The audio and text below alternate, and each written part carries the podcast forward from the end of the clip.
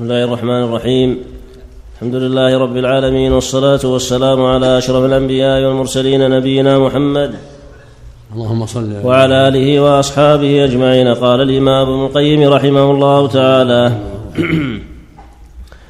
فإن قيل هذا يدفعه أمران أحدهما قوله يجزئك والإجزاء إنما يستعمل في الواجب.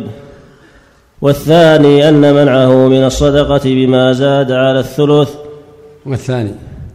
والثاني أن منعه من الصدقة بما زاد على الثلث. دليل على أنه ليس بقربة.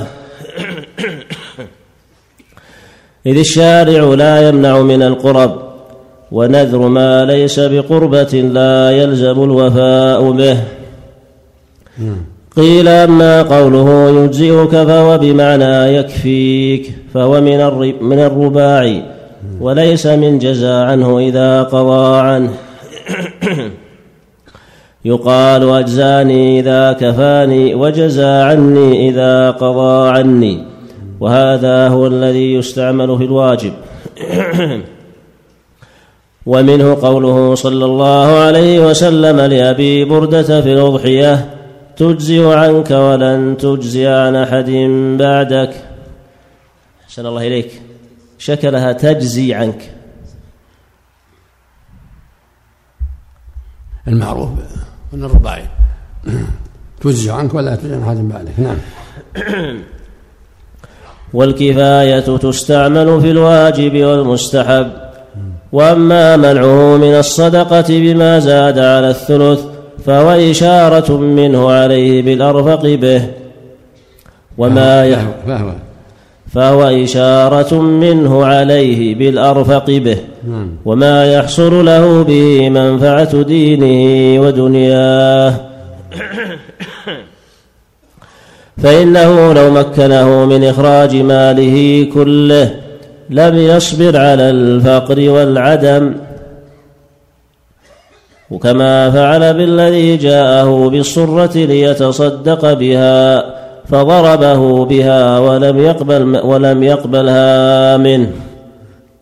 خوفا عليه من الفقر وعدم الصبر وقد يقال وهو أرجح إن شاء الله تعالى. إن النبي صلى الله عليه وسلم عامل كل واحد ممن أراد الصدقة بماله بما يعلم من حاله. فمكن أبا بكر الصديق من إخراج ماله كله. وقال ما أبقيت لأهلك؟ فقال أبقيت لهم الله ورسوله فلم ينكر عليه. وأقر عمر رضي الله عنه على الصدقة بشطر ماله ومنع صاحب الصرة من التصدق بها. وقال لكعب أمسك عليك بعض مالك وهذا ليس فيه تعيين المخرج بأنه الثلث ويبعد جدا بأن يكون الممسك ضعفي المخرج في هذا اللفظ. وقال لأبي لبابة يجزئك الثلث ولا تناقض بين هذه الأخبار. وعلى هذا فمن نذر الصدقة بماله كله أمسك منه ما يحتاج إليه هو وأهله ولا يحتاجون معه إلى سؤال الناس مدة حياتهم. من رأس مال أو عقار أو أرض يقوم مغلها بكفايتهم وتصدق بالباقي والله أعلم. والأقرب والله أعلم في هذا كله ما اشر المؤلف وأنه صلى الله عليه وسلم إنما خاطبهم بما فيه الرفق لهم فالإنسان يصدق بماله إذا كان عنده قدرة وقوة كما فعل الصديق وله يصدق بالشطر وله يصدق بالثلث فلا حجر على الإنسان ما دام رشيدا. ولكن ينبغي للمؤمن إذا أراد يصدق أن ينظر ما هو الأرفق به. فلا فيدع لنفسه بعض الشيء ولا يصدق بكل شيء فيحتاج إلى الناس. هذا من باب المشورة من باب الرفق بالناس. فلا يتحدث بحد معلوم ولهذا قال في الصحيحين لكعب أمسك عليك بعض مالك. يعني الذي يقوم بحاله. ربع ثلث خمسة اللي يحصل به المقصود. وقال لأبي بابا يجزيك الثلث. دل على أنه إذا أراد الصدقة بماله أو نرى صدقة بماله يكفيه الثلث يجزئه. وإن صدق بأكثر فلا بأس لكن يجزئه الثلث. وقال لسعد الثلث والثلث كثير لما أراد الوصية بأكثر. وهذا من رحمة الله ومن إحسانه إلى عباده. فالواجب على المتصدق أن ينظر في الأمر وأن يتحرى في صدقته وما ينفقه. حتى لا يضر نفسه ولا يضر من تحت يده وحتى لا يحتاج إلى سؤال الناس أو الرجوع في الهبة والصدقة. فأحسن ما يقال في هذا مثل ما أشار أخيرا إلى هذا وهو أن هذا من باب الحث للمتصدق على أن يرفق بنفسه وأن يرعى نفسه وأن لا يصدق إلا بالشيء الذي لا يشق عليه. فإن رأى الثلث فلا بأس وإن روى أكثر من الثلث فلا بأس أمسك عليك بعض مالك فهو خير لك. أما بالوصية لا لابد الثلث فقط. ليس له يوصي بأكثر من الثلث لأن الرسول منع من الزيادة. أما الصدقة في الحي كون يصدق من ماله وهو حي إذا صدق بالثلث أو بالربع أو بالخمس أو بأكثر من ذلك وترك لنفسه وأهل بيته ما يقوم بحاله فالحمد لله.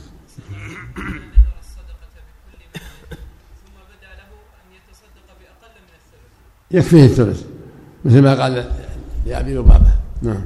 يجزئه الثلث. يقوم مقامه الثلث. مثل اللي أوصى بكل ماله يكفيه الثلث. لو أوصى بكل ماله لا يعطى ولا ينفذ إلا الثلث. لا الثلث. فقط يكفي الثلث. نعم.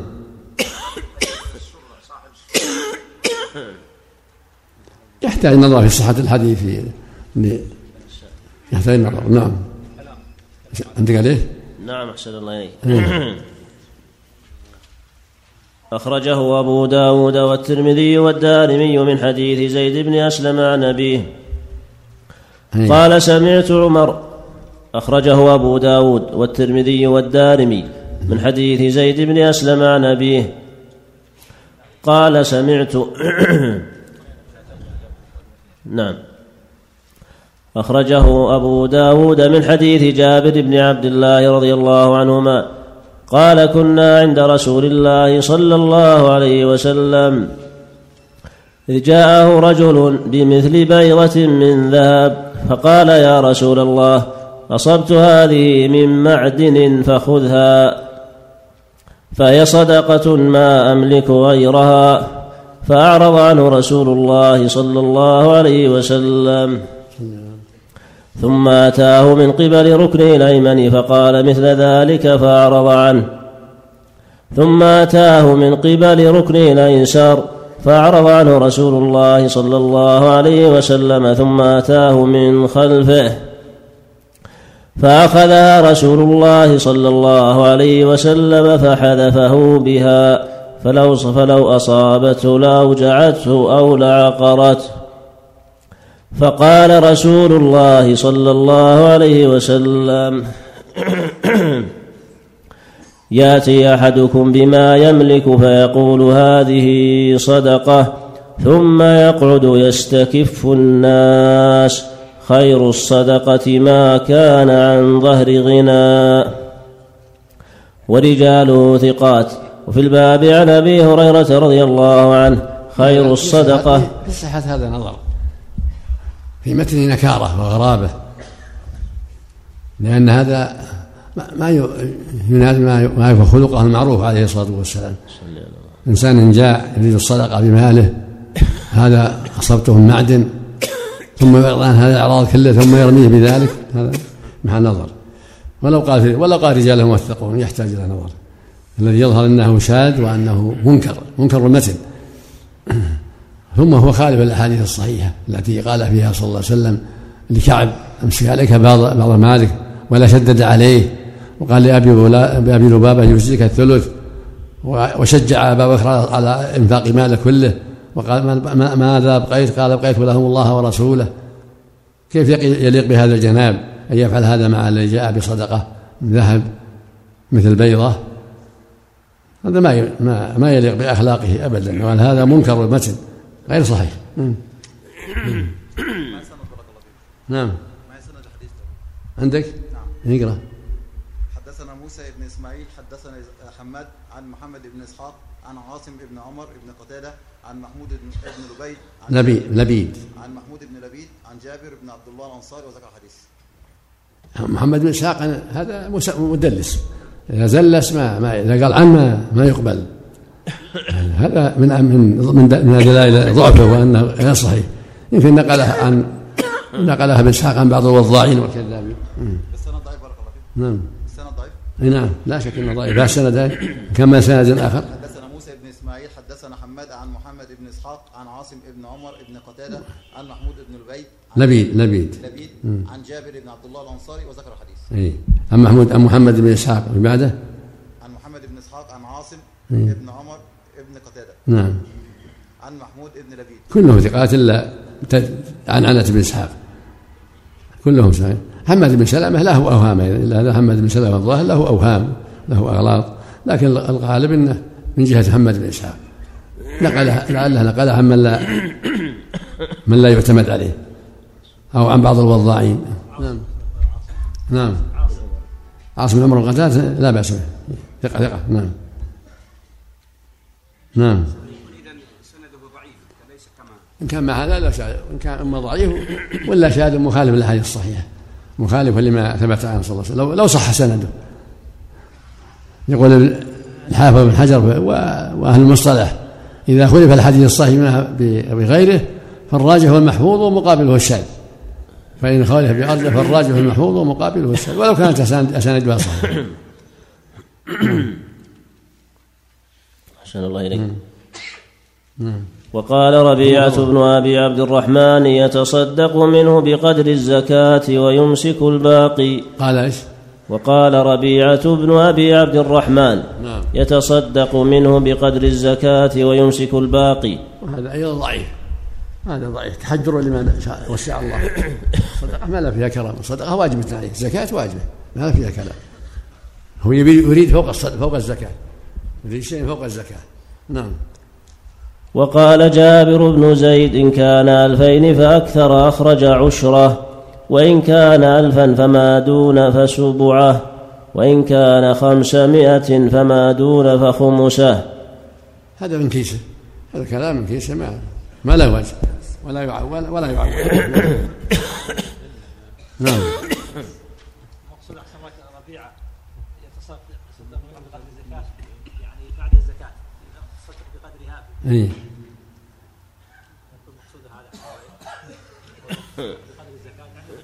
لا لا يحمل على هذا لكن يظاهر كلامه إنه إذا صار عنده مال كثير يصدق بقدر الزكاة بس. يعني إذا كان ما عليه زكاة. نعم قدرها وهو ربع العشر. مثل ما جد معدن أو أشباه. نعم.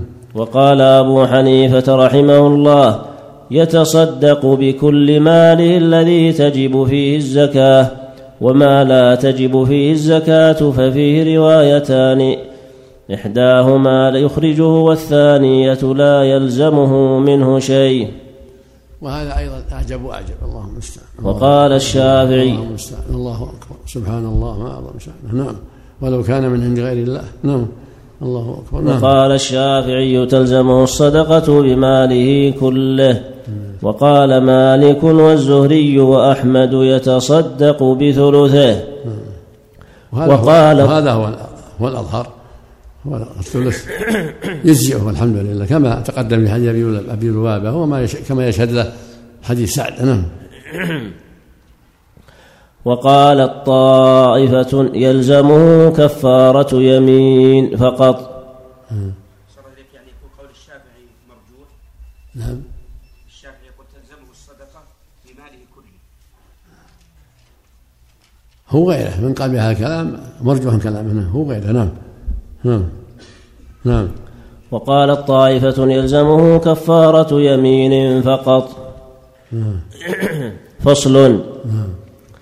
ومنها عظم مقدار الصدق وتعليق سعادة الدنيا والآخرة والنجاة من شرهما به فما أنجى الله من أنجاه إلا بالصدق. ولا أهلك من يا أهلكه. أيها الذين آمنوا اتقوا الله وكونوا مع الصادقين. ويقول جل وعلا في آخر المائدة هذا يوم ينفع الصادقين صدقهم. لهم جنات تجري من تحتها النار لا نعم الله أكبر. نعم.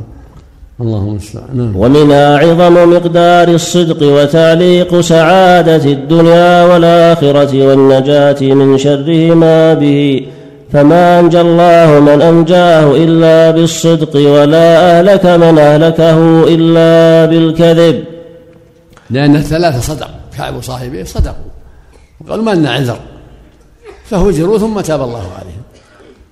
والأعراب المتخلفون كذبوا فغضب الله عليهم نسأل الله نعم لا حول ولا قوة إلا بالله. وقد أمر الله سبحانه عباده المؤمنين أن يكونوا مع الصادقين. فقال يا أيها الذين آمنوا اتقوا الله وكونوا مع الصادقين وقد قسم الله سبحانه. وقد قسم الله سبحانه الخلق إلى قسمين سعداء وأشقياء فجعل السعداء أهل الصدق والتصديق والأشقياء هم أهل الكذب والتكذيب وهو تقسيم حاصر مضطرد منعكس فالسعادة دائرة مع الصدق والتصديق والشقاوة دائرة مع الكذب والتكذيب. وأخبر سبحانه وتعالى أنه لا ينفع العباد يوم القيامة إلا صدقهم. وجعل علم المنافقين الذين الذي تميزوا به هو الكذب في أقوالهم وأفعالهم. فجميع ما نعاه عليه أصله الكذب في القول والفعل فالصدق بريد الإيمان ودليله ومركبه وسائقه. ومركبه وسائقه وقائده وحليته ولباسه بل هو لبه وروحه.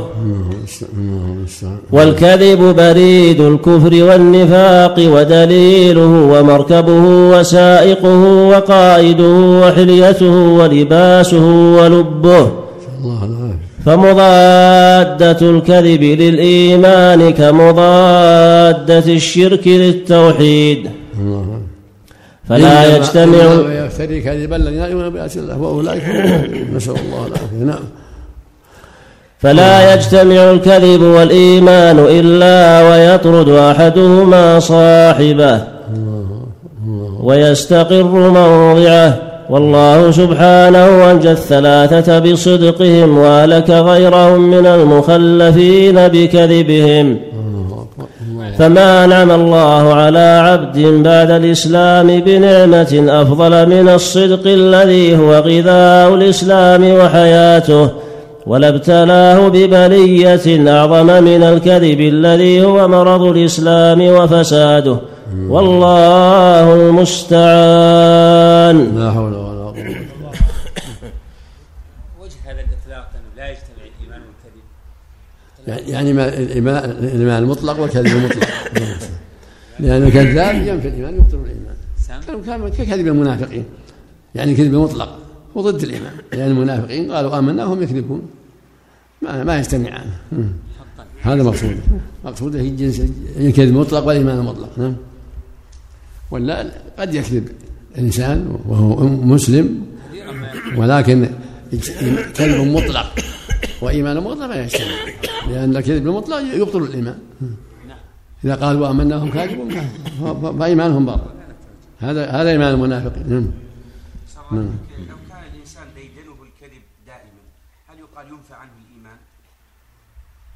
ينفى عنه كمال الإيمان. إذا كان معه التوحيد والإيمان. كمال الإيمان. أما إذا كان معه النفاق هذا هذا ضد الإيمان. أما كذب اللي يقع من الناس كذب على زيد وعلى عمرو هذا من ضعف إيمانه ومن من جملة المعاصي ومن خصال أهل النفاق. نعم. يعني نفاق هذا نفاق العمل. نعم.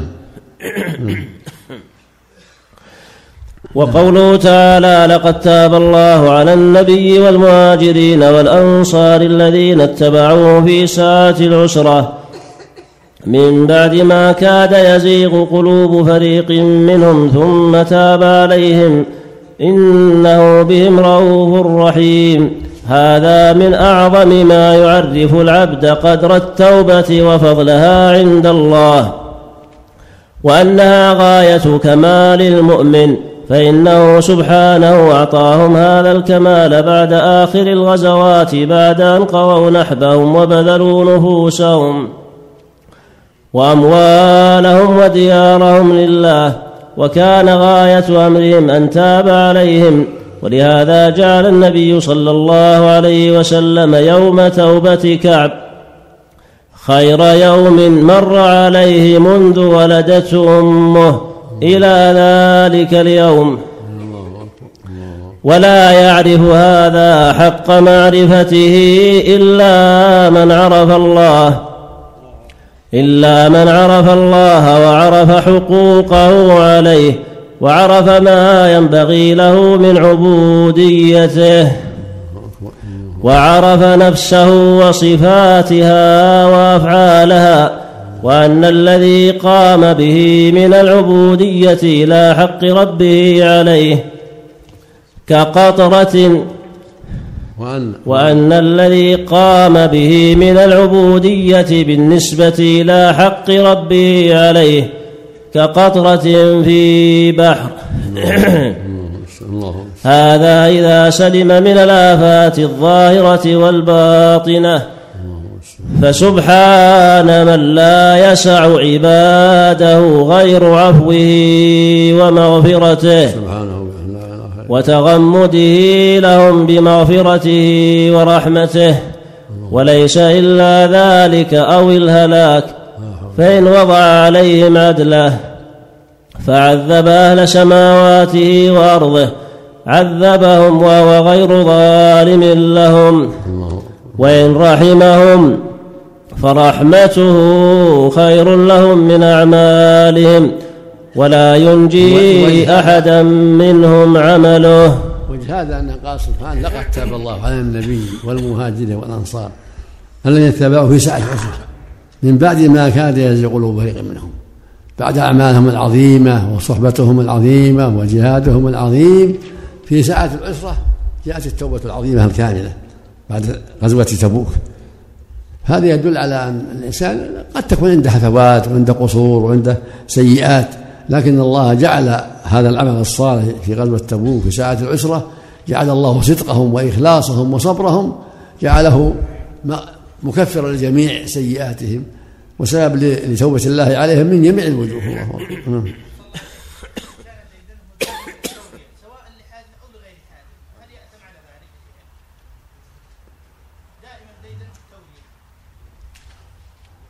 نعم. التورية محل, محل تفصيل أو التورية محل تفصيل كان في في نفاق فهو عمل عمل منافق وإن كان في أمور مباحة سهل. أمور مباحة سهلة أمور التو... اللي, يضر بها حد هذا من عمل المنافق. إذا كان التورية تضمن الكذب. نعم. الأمر سهل. إذا كان ما تضر أحد ما يضره أما إذا كان تضر أحد فهي من الكذب. نعم. فصل وتأمل تكريره سبحانه توبته عليهم مرتين في أول الآية وآخرها فإنه تاب عليهم أولا بتوفيقهم للتوبة فلما تابوا تاب عليهم ثانيا بقبولها منهم. وهو الذي وفقهم لفعلها وتفضل عليهم بقبولها. فالخير كله منه وبه وله. سبحانه. فالخير كله منه وبه وله وفي يديه. سبحانه. لا إله إلا الله. يعطيه من يشاء إحسانا وفضلا. ويحرمه من يشاء حكمة وعدلا. لا إله إلا هو سبحانه وتعالى. نعم. فصل وقوله تعالى وعلى الثلاثة الذين خلفوا قد فسرها كعب بالصواب وهو أنهم كيف لا اللهم قليل ينتهي أحسن الله إليك. نعم. ما نعم. قد فسرها كعب رضي الله عنه بالصواب وهو أنهم خلفوا من بين من حلف لرسول الله صلى الله عليه وسلم واعتذر من المتخلفين فخلف هؤلاء الثلاثة عنهم. وأرجى أمرهم دونهم وليس ذلك تخلفهم عن الغزو لأنه لو أراد ذلك لقال تخلفوا كما قال تعالى ما كان لأهل المدينة ومن حولهم من الأعراب أن يتخلفوا عن رسول الله وذلك لأنهم تخلفوا بأنفسهم بخلاف تخليفهم عن أمر المتخلفين سواهم. فإن الله سبحانه هو الذي خلفهم عنهم ولم يتخلفوا عنه بأنفسهم والله أعلم. بعده. بعده. فصل في حجة أبي بكر الصديق رضي الله عنه سنة تسع بعد مقدمه من تبوك. بارك الله إليك هذه امرأة تسأل حفظكم الله يقول هذه توجد امرأة تسكن في صندقة وكانت تغلي ماء لتنظيف بعض الحاجات ثم خرجت من الغرفة لتحضر شيئا فسمعت صراخ أحد الأطفال وإذا بأحدهم أحد الأطفال قذف بأخيه في الماء الحار فاشتوت يده ثم ذهب به المستشفى وجري عملية فتوفي فهي تسأل هل هي مفرطة وعليها الكفارة؟ أم ماذا جزاكم الله؟ عيد. هذه امرأة تسكن في صندقة. إيه. وكانت تغلي الماء لتنظف ثياب أولادها. ثم خرجت من الغرفة لتحضر شيئا ما. فسمعت صراخ أحد الأطفال حيث أن أخت الطفل دفعت هذا الطفل في القدر فسقطت يده في الماء الحار. لا ما هذه أمور عادية ما عليها شيء. أمور عادية ما عليها شيء. أمور عادية ما ما فيها ما فيها حيلة تخلص منها. ولم تعمدها نعم نعم. لا عليها شيء إن شاء الله. نعم. الله يجبر مصيبتها ويعطيها خيرا منه نعم. نعم نعم هذه هذه خرجت للمصلحة مم. كل الناس بزورهم عندهم في محلاتهم. نعم. نعم.